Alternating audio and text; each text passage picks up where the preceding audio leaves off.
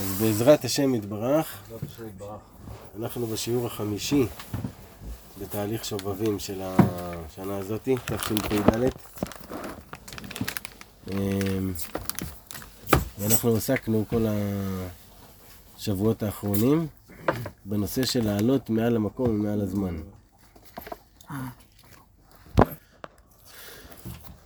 של לעלות מעל המקום ומעל הזמן. שזה צד אחד. אבל זה אמור לשרת משהו שהוא גבוה, יותר מזה. זאת אומרת, העלייה אל מעל המקום מעל הזמן אמורה לשרת לנו משהו שהוא גבוה מעצם העלייה.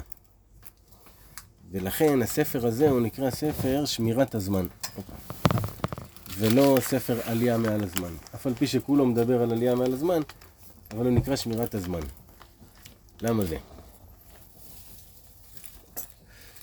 היום אני רוצה לדבר, אתם זוכרים ששבוע שעבר דיברנו על הדואליות שיש בעולם, שתמיד הדבר הוא בשתי קצוות. אז היום אני רוצה לדבר על משהו שהוא בעצם הלב ליבו של הנושא של הזמן.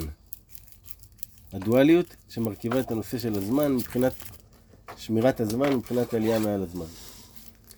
והדואליות הזאת היא, היא מה שנקרא זריזות וסבלנות. זריזות לעומת סבלנות. אולי, אולי אפשר לדמות את זה לפסיביות ואקטיביות, למרות שזה לא בדיוק אותו דבר, אבל זה פעולה אל מול שהייה. זה שני דברים שהם שונים, הם דואליים, זה הפוך, הם שני הופכים. ודיברנו על כך שהחיים בכתר הם חיים שנושאים בתוכם הפכים. את שני ההפכים של הדואליות. זה החיים בכתר. במקום שאין זמן ומקום. אז מה הפירוש של זריזות אל מול סבלנות? זריזות זה שהאדם הוא צריך להיות זריז אבל לא פזיז. יש הבדל בין השניים. זריזות, האדם הוא צריך להיות פעיל, לעשות את הדברים שהוא צריך לעשות, לעשות אותם במהירות, לא להתמהמה, לא לשבת, להסתלבט, לחכות לפני שהוא עושה, לחשוב אלף פעמים, לא. הוא צריך להיות זריז בעשייה שלו. וסבלנות זה מלשון סבל, אבל לא סבל כמו ששיבשו לנו ב... בעברית. בעברית סבל זה כאילו שהאדם הוא סובל, שרע לו. לא. סבל זה הכוונה שהאדם הוא שם על עצמו מסע והוא סובל את המסע עליו. כמו, כן, אפילו נגיד גלשן, כשאתה גולש עליו, אז הוא סובל אותך, ככה זה נקרא בלשון הקודש, שהוא סובל אותך כי הוא סובל את המשקל שלך עליו. לא רע לו, אבל הפעולה הזאת של לסבול עליך משהו, זה, משם נוצר הסבלנות והסבל. וידוע שברסלב זה אותיות סבל רב. לא מלשון שסובלים הרבה, אלא מלשון שצריך הרבה סבלנות. גם כי הדרך רק עם השנים, ואם הדרך שאתה הולך בה יותר מתפתחת, אתה יותר מבין דברים, אסימונים שוקים לך. אתה באמת מבין למה זה התכוון, אתה מתחיל כבר לקבל תקשורת משמיים. אז זה עם הזמן. עכשיו, כל מה שבנינו עד עכשיו בשיעורים, זה היה להבין שאנחנו רוצים להסתכל על נקודה אחת. נקודת האמונה. וברגע שאנחנו מפנים את הכל אל הנקודה הזאתי, אז אנחנו עולים מעל המקום ומעל הזמן, כי כל הדברים שתלויים במקום וזמן מופנים אל הנקודה הזאתי, והנקודה הזאתי היא מעל מקום וזמן. לכן, הזריזות שאנחנו מדברים עליה, שבספרי רבנו ורבי נתן מדובר עליה, בפרט רבי נתן, זה זריזות של להיות כל הזמן עסוק. מה ששמעתם, להיות כל הזמן עסוק. לא להיות בטל. הדבר הגרוע ביותר לאדם זה בטלה. הבטלה מביאה לידי שעמום. שעמום בחז"ל זה טירוף הדעת. שהאדם הוא נהיה שומם, אין לו תכלית בחיים. אה, אז אדם תמיד צריך להיות עסוק. במה הוא צריך להיות עסוק? במה שהוא יהיה עסוק, לא חשוב במה, העיקר שזה יהיה מופנה אל אותה נקודה. זאת אומרת, אדם אוכל, הוא אוכל למה? שיהיה לו כוח לחיות, זה מופנה לאותה נקודה. אדם עובד, למה? כדי לפרנס את הבית והילדים שלו. מופנה לאותה נקודה. האדם ישן כדי שיהיה לו כוח, מופנה לאותה נקודה. אדם לומד, מופנה לאותה נקודה. כל הזמן האדם צריך למלא את הזמן שלו בדברים ולהפנות אותם אל הנקודה. כאשר המנהג של אנשי שלומנו, חסידי ברסלב, תמיד היה להם ספרים איתם. לאן שהם הולכים תמיד יש להם ספרים. עכשיו איפה שהם נגיד, יש להם צריכים לחכות לאישה שהיא תצא מהדואר או משהו, יושב באוטו, אז הוא לא סתם גולל בטלפון. הוא יושב אחי, קורא כמה דברים בספרים שלו, בסדר שלו. יש לו עוד קצת זמן, קורא עוד קצת. רבי נתן, כשהתקרב לרבנו ז"ל, הוא היה אה, למדן גדול. ב- בישיבות של הלמדנים והרציניים. ורבנו, כשהוא התקרב אליו, הוא נתן לו המון המון המון סדרים ללמוד. שהיום לא מספיק לזה. יותר ספרים ממה שיש זמן ללמוד, רבנו נתן לו. ואז רבי נתן חלשה דעתו. ורבנו אמר לו, משפט מאוד מפורסם, מעט גם כן טוב. גם מעט זה טוב. זאת אומרת, אף על פי שאני אומר לך לחטוף, אבל מעט גם כן טוב, אם, אם הצלחת רק קצת, זה מעולה. אתה לא חייב שזה יהיה הרבה. ו- שהכמות ובשיטה לא הזאת, רבותיי, אני אומר לכם עליי, אני מעיד על עצמי, וזה קיבלתי מ- מצדיקים, שלדוגמה, בשירותים, בשירותים יש ספרים של שירותים. כל מיני דברים שאתה רוצה ללמוד, של חולין. אז בדקות האלה שאתה בשירותים, במקום לגלול בטלפון, אתה קורא איזה ספר שהוא כזה. דקות, ממש, זה דקות. בדקות האלה, הרבה ספרים אתה זוכה לסיים במשך החיים שלך. אותו דבר יש לך ספר באוטו, שהוא ספר של האוטו. מתי שיוצא לך שאתה מחכה למשהו באוטו, את הספר הזה אתה פותח. סימניה, ממשיך עוד הפעם. פתאום אתה קולט שעם השנים אתה מסיים מלא ספרים. ספר אתה שם בתפילין, שלפני שאתה מוריד את התפילין, אתה קורא כמה, כמה דברים. בדרך כלל שמים ספר הלכות בתפילין. ואז אתה חוטף לך דקות כאן, דקות כאן, דקות כאן, דקות כאן, ואתה קודם כל נכנס בך חמדה לזה, שכבר נכנס לך רצון ללקרוא וזה, אתה אוהב את זה. בא לך להקניט מישהו עכשיו בשביל להמשיך את? הסרט. בדיוק. שנייה לתת לך. עכשיו, אם אין לך ספר, אין לך זה, אתה סתם במצב. סתם, אתה אפילו יושב עם עצמך, בסדר? קצת נח. אז אתה יכול בראש שלך לחשוב מחשבות טובות. ברגע שאתה מפנה את המחשבות שלך למחשבות טובות, הופ, הפנית את זה לאותה נקודה. כל הזמן אתה ממלא את, את הזמן שלך, את מה שאתה עושה ביום-יום, בדברים שקשורים לאמונה, שאתה מקשר אותם בעצמך לאמונה. העיקר לא להיות בטל. לא להיות בטל, לשבת סתם ככה עם עצמך, זה מביא את כל המחשבות הלא טובות. ועוד דבר שמזיק באותה מידה, זה ישיבה של אנשים שמדברים דברים בטלים. נראה לך, אתה אומר, מה זה מזיק? סבבה, אני לא מדבר לשון הרע. אבל אתה פה מדבר עכשיו על כל מיני נושאים, משכנתה, ביבי, שמיבי, המצב בחות'ים, זה, לא יודע, כל מיני דברים שאנשים מדברים עליהם, כדורגל, אה, כל אחד והדברים הבטלים. עכשיו הוא יושב, הוא מביע את דעתו, והוא מוציא, והוא זה, ונהיה ויכוחים ועניינים. זה הדבר הזה, זה פרופר הוצאת זרע לבטלה. אתה מוציא את כל הכוחות שלך בדיבורים שאתה מדבר, הדברים הבטלים, אתה מוציא את כל הכוחות שלך לבטלה. והדבר הזה עושה לבן אדם סערה בתוך המוח. הדיבורים הבטלים של סתם, לא מוצ... כלום לא מועיל לך. כמו שכתוב, רוח שערה עושה דברו. רבנו אומר, מי עושה לבן אדם שערה בתוך המוח, שהוא יהיה מבולבל? הדיבורים שלו, שהוא מדבר דיבורים בטלים. אתה צריך כל הזמן בראש שלך לחשוב שמה שאתה עושה ומה שאתה מדבר, הכל יהיה פונקציונלי. אתה לא עושה דברים סתם. שכל דבר ישרת פונקציה מסוימת. אם אתה מדבר על משהו, שיהיה לך איזה משהו מהשיחה הזאת. אפילו אם זה ללמוד משהו, אפילו אם זה סתם לצחוק. אתה משמח את עצמך. אבל דברים בטלים של כל השיחות האלה על, על כלום ושום דבר, זה מאוד מאוד הורס את, ה... את האנרגיה בגוף, את השמחה, את, את הזריזות. עכשיו, רבי נתן, לפני שהוא הסתלק, לפני שהוא נפטר, הוא אמר דבר כזה. הוא אמר, להגיד שלא למדתי מספיק בחיים שלי, אני לא יכול להגיד. כי שמרתי על הזמן, וכל דקה פנויה שהייתה לי, למדתי. להגיד שלא התפללתי מספיק, אני לא יכול להגיד. כי שמרתי את הזמן, וכל דקה פנויה שהייתה לי שלא למדתי בה ושלא עשיתי משהו, התפללתי. אבל מי יודע אם יצאתי ידי חובת התמימות שרבנו רצה. על זה רבי נתן דאג, האם הוא היה מספיק תמים כמו שרבנו רצה. עכשיו מכאן מבינים גם את הצד של התמימות וגם את הצד של שמירת הזמן. רבי נתן הוא היה מפורסם בעניין הזה של הזריזות. וכתבו עליו שאף על פי שהוא היה זריז גדול, תמיד הוא היה מיושב בדעתו.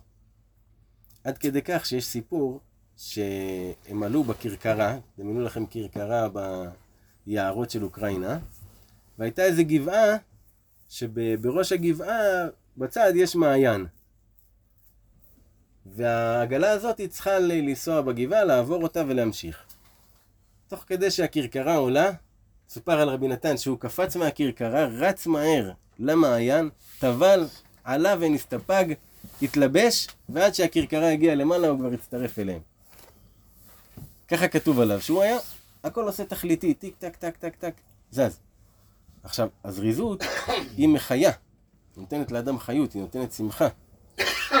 אתה תראה, העצלות והבטלה מקושר לעצבות, והזריזות היא מקושרת לשמחה, לאדם שהוא חי, הוא עושה דברים, הוא פועל, הוא פעלתן, הוא מספיק הרבה דברים ביום שלו.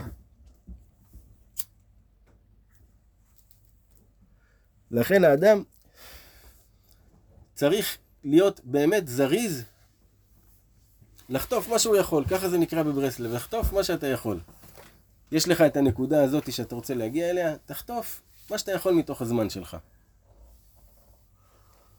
אבל עכשיו הצד השני של זה, שזה תכף אנחנו נקרא, רבנו כותב שאף על פי שציוויתי אתכם כל כך הרבה דברים ולהיות זריזים ולחטוף כל מה שאתם יכולים, אף על פי כן צריך להמתין ולחכות ולצפות הרבה.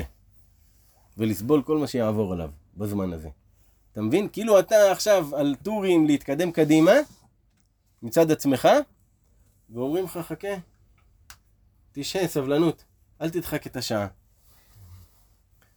וזה מה שאני רוצה שאנחנו נלמד היום. הנושא הזה שלא לדחוק את השעה. רבנו, יש לו בחיי מוהר"ן פרק שלם שמורכב מכמה פרקים על הנושא הזה שלא לדחוק את השעה. זאת אומרת, אצל רבנו זה אחד הדברים המשמעותיים שהיו ב... בלימוד. צחי. שלא לדחוק את השעה. עכשיו זה בחיי מוהר"ן, סימן תל והלאה. יש איזה כמה סעיפים. אז הראשון, סימן תל. רבנו אומר, אה, רבי נתן כותב על רבנו, שאין דרכו של רבנו לצוות את האדם שיעשה דווקא ככה ולא ככה. תמיד רבנו היה משאיר לאדם את הבחירה. הוא היה מסביר לו אה, את הצדדים ומשאיר לו את הבחירה. הבנת? הוא לא היה אומר לו, אני חושב שאתה צריך לעשות ככה.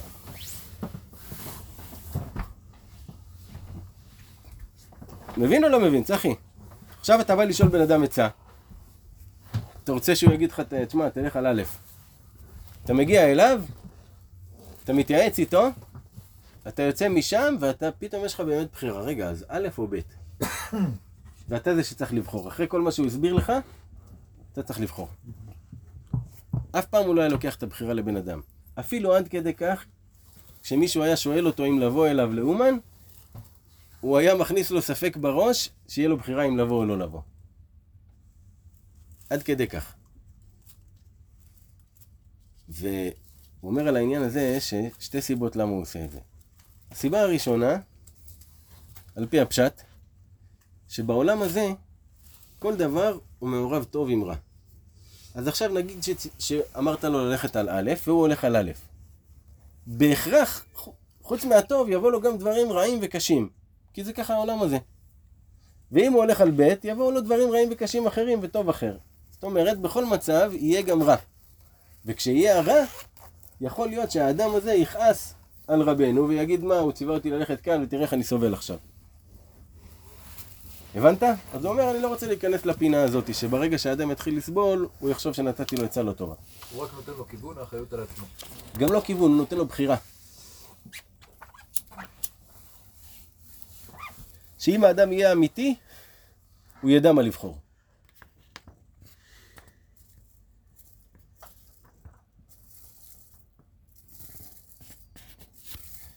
וכן בכל דבר אינו דוחק את השעה שיהיה דווקא כך. זאת אומרת, המשמעות של לדחוק את השעה זה להתעקש שזה יהיה דווקא כמו שאתה רוצה. זה לדחוק את השעה. או שזה יהיה דווקא בזמן שאתה רוצה. זה נקרא לדחוק את השעה. שאתה מנסה לחייב ולהכניס את זה לתוך, ה... לתוך הזמן והמקום שאתה רוצה. ואפילו על המשרת אינו יכול לדחוק שיעשה דווקא תכף את מה שצריך לעשות, כמו הסיפור שסיפרנו. ואמר אז, רבנו, אני חזק בכל הדברים שלי. וגם בזה אני חזק מאוד שאיני גוזר על האדם שיעשה דווקא כך. כי יש לי כמה סיבות על זה. זאת אומרת, מה שאנחנו לומדים מהשיחה הזאת, שרבנו מראה לנו שאפילו הצדיק, שהוא כאילו האור העליון שאמור לכוון אותך, תעשה ככה ולא ככה, אפילו הוא צריך להשאיר לך בחירה. כשם שהקדוש ברוך הוא משאיר לך בחירה. הקדוש ברוך הוא אף פעם לא לוקח את הבחירה. הוא לא בא ומדבר אליך, כי אם הוא ידבר אליך, לא יהיה לך בחירה.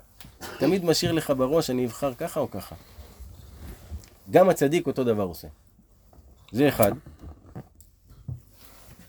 ושתיים, זה העניין שרבנו מדבר על שלא לדחוק את השעה, שזה יהיה דווקא כמו שהוא רוצה. זה שני הדברים שאנחנו רואים מהשיחה הזאת. שיחה הבאה, תל"א צחי. מי שרוצה לישון, ואינו יכול לישון, אדם רוצה להירדם ולא מצליח להירדם, העצה לזה, לבלי להכריח את עצמו לישון. כי כל מה שמכריח עצמו יותר לישון, מתגבר עליו ביותר מניעת השינה. כמה שהוא יותר ירצה לישון, הוא יגיד, יאללה, נו, אני כבר רוצה לישון, נו, וואי, כבר ארבע בבוקר, נו, כבר זה.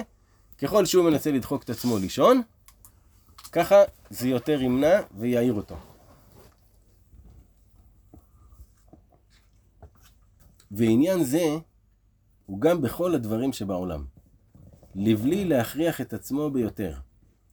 כי כל מה שמכריחין עצמו ביותר לאיזה דבר, מתגבר עליו ביותר ההיפוך דייקה.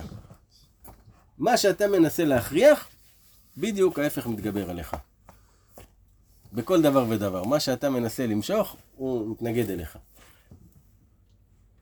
גם בדברים הקטנים וגם בדברים הגדולים. ואפילו בעבודת השם, צריכים להיות זר... צריכים לבלי להכריח את עצמו יותר מדי. זאת אומרת, אפילו שאתה קיבלת על עצמך משהו, ופתאום יש לך איזה יום מניעה ממש גדולה, שאם אתה תתגבר עליה זה יעשה לך בעיות, אז אתה לא, לא תעשה את זה. אסור לך להכריח את עצמך יותר מדי, אפילו שזה עניין של עבודת השם וזה מצווה והכל. צריך להיות חכם. אף על פי שבאמת צריכים להיות זריז גדול מאוד, לקדש עצמו כראוי ולזכות לעבודת השם יתברך בשלמות במהירות גדול, ואסור להניח מיום לחברו כלל, כי אין העולם עומד אפילו כהרף עין. זאת אומרת, מצד אחד אתה חייב להיות זריז ולא להגיד מחר אני אעשה, ועל כן מה שיכולים להתגבר לעשות איזה דבר בעבודת השם יתברך, צריכים לעשותו מיד דייקה, בלי איחור ועיכוב כלל אפילו רגע אחד.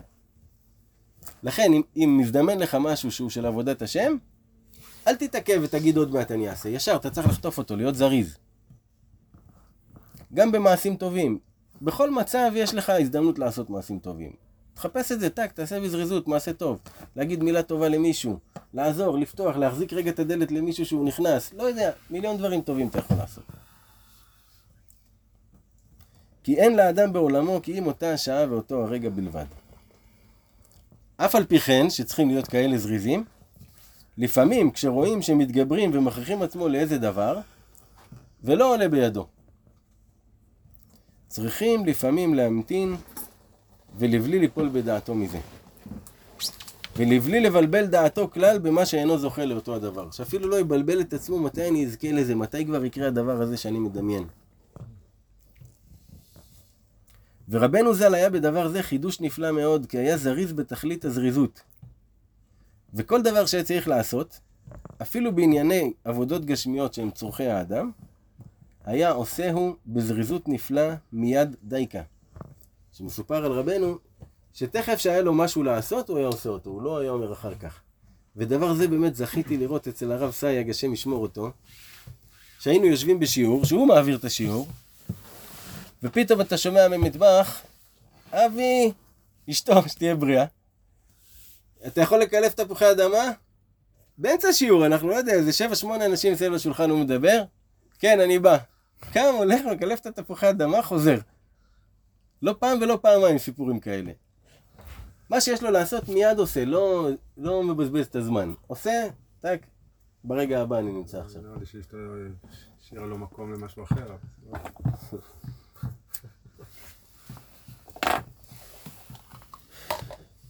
ואף על פי כן היה מתון גדול. וכשראה שאינו עולה בידו, היה מתון גדול. זאת אומרת, מצד אחד זריז ואתה באש, באטרף, מצד שני. יישוב הדעת, סבלנות, מתי שזה יקרה, זה יקרה. ואי אפשר לבאר דבר זה בכתב. והמשכיל החפץ באמת, יבין מזה קצת עצות בעבודת השם יתברך. זאת אומרת, זה אי אפשר באמת לדבר ולבאר את זה, אבל מי שרוצה באמת, הוא מבין על מה מדובר. עכשיו, הסעיף הבא, רבנו אומר שלפעמים שמנסים ללמד מישהו משהו, וחוזרים לו על זה הרבה פעמים, דווקא בגלל שחוזרים לו הרבה פעמים על זה, הוא לא קולט, זה מבלבל אותו. נותן פה דוגמה שהיה ילד אחד, שהביאו אותו לרבנו, וכל הדרך אבא שלו אמר לו, כשאתה מגיע לרבנו ואתה עושה את הקידוש, תגיד סברי מרנן ורבנן. ואז כשהוא הגיע לרבנו ו- ורצה לעשות את הקידוש, הוא בא להגיד את זה והתבלבל לו כל המילים. ואז הוא אמר, תזכור, תזכור. כי זה מה שאבא שלו אמר לו כל הזמן, תזכור, סברי מרנן, תזכור. אז הוא חשב שהוא צריך להגיד תזכור. ואז רבנו אמר לאבא שלו, אה, אתה בטח חזרת איתו כל הדרך, הצקת לו על זה. אז רבנו אומר, ככה זה, שגם אפילו ב, בלימוד שאתה לומד עם עצמך, או שאתה מלמד מישהו, אתה לא יכול לדחוק את הדבר שיקרה. הדברים צריכים לקרות מעליהם, מתוך ההשגחה, מתוך הרמוניה. לא שאתה דוחק ומפעיל לחץ. סעיף הבא, מאוד מעניין.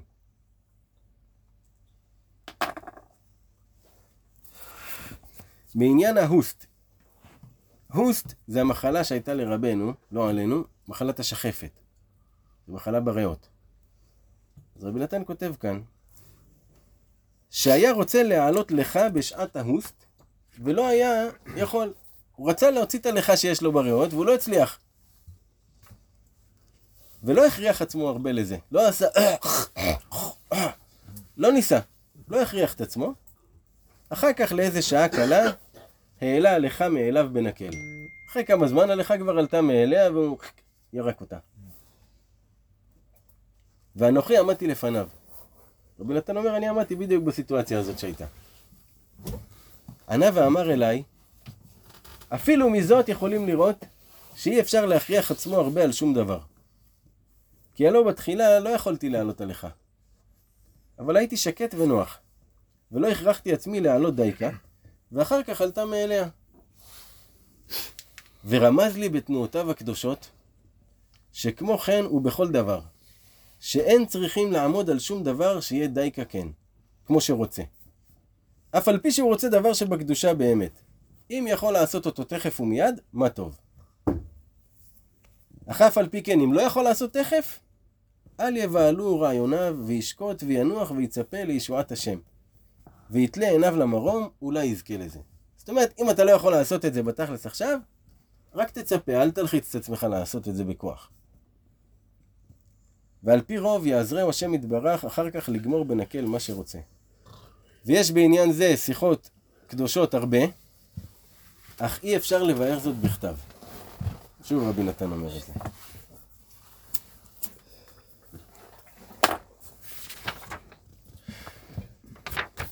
אז כאן, מה אנחנו רואים פה בעצם? זה לא סתם, חיי מוהר"ן זה לא סתם ספר, זה אחד מהכמה ספרים היחידים שיש מרבנו. ליקוטי מוהר"ן, שיחות הר"ן, חיי מוהר"ן, סיפורי מעשיות וספר המידות. זה הספרים שיש מרבנו. וחיי מוהר"ן, אם נכתב בו פרק שלם על הנושא הזה, זאת אומרת שזה נושא מאוד משמעותי. ואתה יכול לראות את זה גם בחיים של רבנו, כשאתה קורא ולומד עליו, אתה רואה שהוא בדיוק התנהג ככה.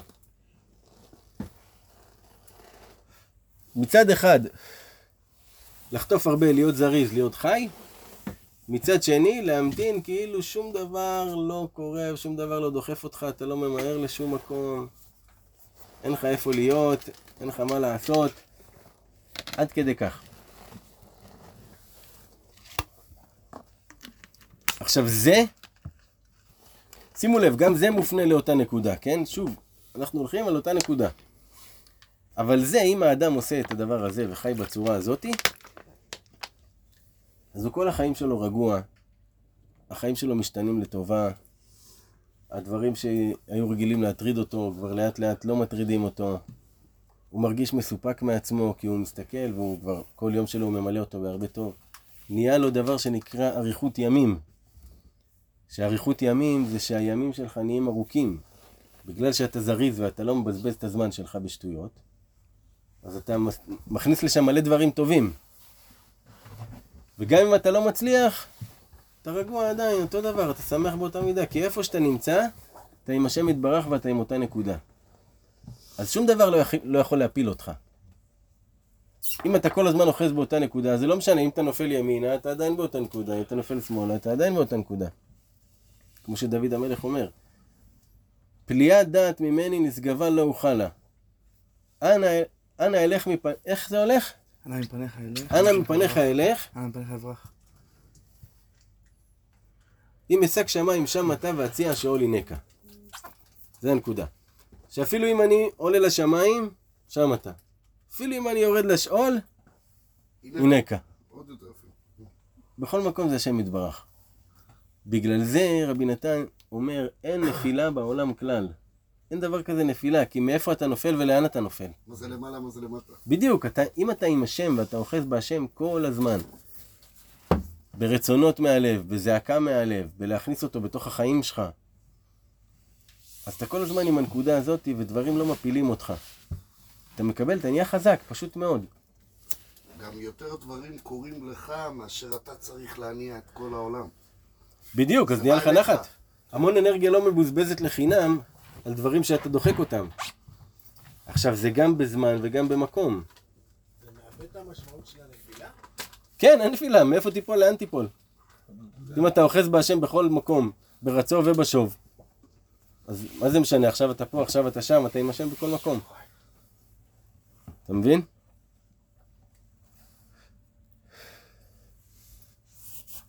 עכשיו, הדבר הזה באמת, ללכת איתו, זה כל כך משפיע על החיים. התרגול של זה, הוא באמת פשוט להתאפק לפני שאתה עושה דברים. ללמוד רגע, רק בזמן שאתה רואה שזה משתלב לך, לעשות את הדבר. כמובן, להרגיל את עצמך בדברים קטנים. אפילו בהרמוניה עם הגז של האוטו. להרגיש מתי אתה דוחק את האוטו ומתי אתה איתו בשיוט. אתה כאילו, זה עדיין מגביר את התאוצה, אבל משהו טבעי כזה. כל מיני, אתה לאט לאט אתה לומד לזרום עם הזמן ולא להיות זה שדוחק. כמו שרבנו כותב ב... בליקוטי מוהר"ן קע"ז, שבקדיש אנחנו אומרים, בעלמא דיברה כרעותה וימליך מלכותה. מה זה אומר? בעולם שברא כרצונו וימליך מלכותו. זה הפירוש הפשוט. אבל רבנו מסביר שם שבעלמא דיברה כרעותה, שכשאתה מתרצה ברצונו של השם יתברך, אזי ימליך מלכותה. אז אתה ממליך אותו. רק כשאתה נותן לשם יתברך שינהיג את ההצגה. זה ההמלכה, אתה עושה את התכלית שלך פה, זה כאילו אתה אומר לשם אתה המלך. גם בדברים הקטנים, גם בדברים הגדולים, לחזק את עצמך. מה שקורה, השם יתברך, אתה מנהיג את זה, אני עושה את ההשתדלות שלי, אתה מנהיג את זה, שים את הברכה שלך, תעשה שמה שצריך לקרות יקרה, ואתה הולך באמונה הזאת כל הזמן. שאתה אומר ברוך השם על כל דבר. ואתה סבלני. עוד לא הסתדר העניין שרצית? תחכה בסבלנות, תמשיך להתפלל. אם לא יסתדר עדיין, כנראה שזה לא צריך להסתדר. כמו שפעם אחת היה אחד התלמידים של רבנו,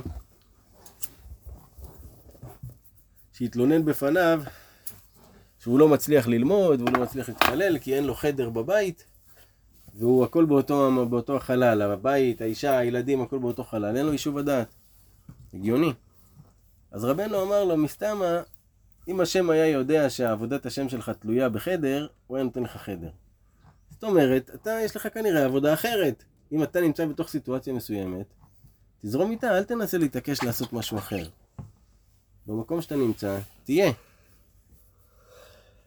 ולהיות זריז, לא להתבטל, באמת, הנושא הזה של בטלה ושיחות בטלות, זה באמת פשוט הורג את הבן אדם. הנושא הזה. זה דבר שאנחנו מאוד צריכים להקפיד עליו. בפרט כגברים, ש, שגברים לא אמורים לדבר יותר מדי. אין לך כאילו, אם זה לא ענייני, אם זה לא משרת משהו זה, מה יש לך לדבר? אם יבקשו ממך, ישאלו אותך, תדבר. אחרת להביע את דעתך על אה, ביבי נתניהו ושצריך את הבחירות לעשות בקיץ ובחייאת דינק. מה אתה מדבר? סתום את הפה, עדיף לך.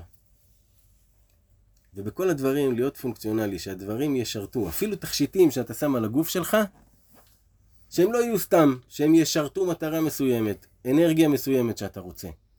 אפילו לנסות עם האוכל שאתה אוכל, לחשוב, ללמוד את הסוג אנרגיה שאתה רוצה, שתהיה לך, נגיד, סלט בבוקר שהוא מאיר, זה אנרגיה שהיא מאירה, אתה צריך את זה לבוקר. בערב את הארוחה הכבדה, לא בצהריים, בצהריים אתה עדיין צריך להיות ערני. אז אתה, עם כל דבר אתה רוכב על האנרגיה שלו ואתה עושה אותו פונקציונלי. האכילה היא כבר לא סתם כדי להיות שבע, אלא כדי לתת לי אנרגיה מסוימת שאני רוצה.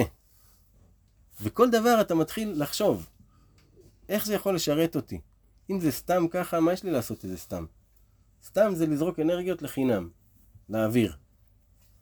אותה אנרגיה יכלת לקחת ולצרף אותה אל הנקודה הזאת שלך, ויש לך שם עוד כוח. לאותה נקודה חזקה. שהנקודה הזאת זה הנשמה שלך בעצם בסופו של דבר. אותה אתה מאיר. ולשם אנחנו כולנו רוצים להגיע במהרה בימינו, אמן ואמן. ברוך אדוני לעולם. אמן. כן? זה הנושא? זה משאיר את ההקלטה. ברגע שאתה צריך לבחור עכשיו בין שני דברים שהם כביכול אה, הלכה. כן. זה אומר שאתה בשני המקומות אתה נמצא, אתה נמצא עם השם. כן. השאלה אם כאילו צריכה להיות לך בחירה שם או לא צריכה להיות לך בחירה שם.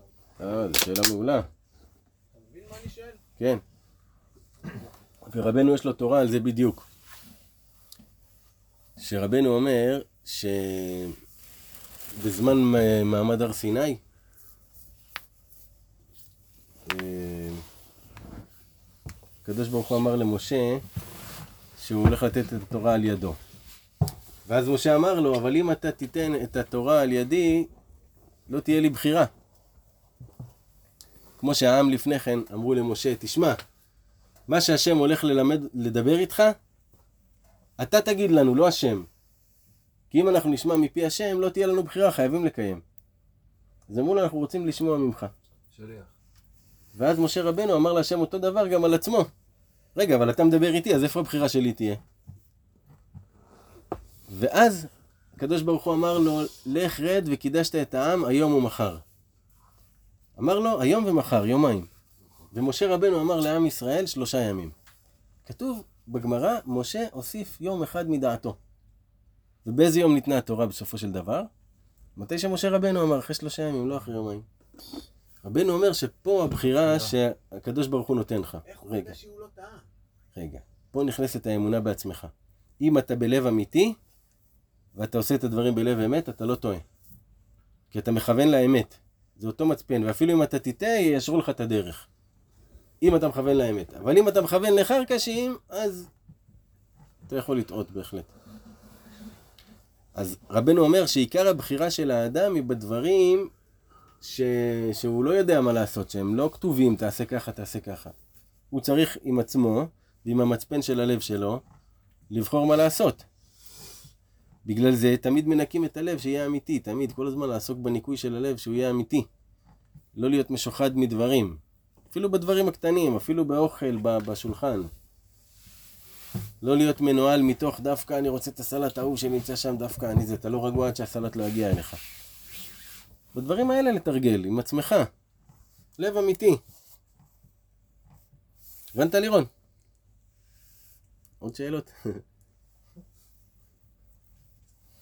ברוך אדוני לעולם, אמן ואמן.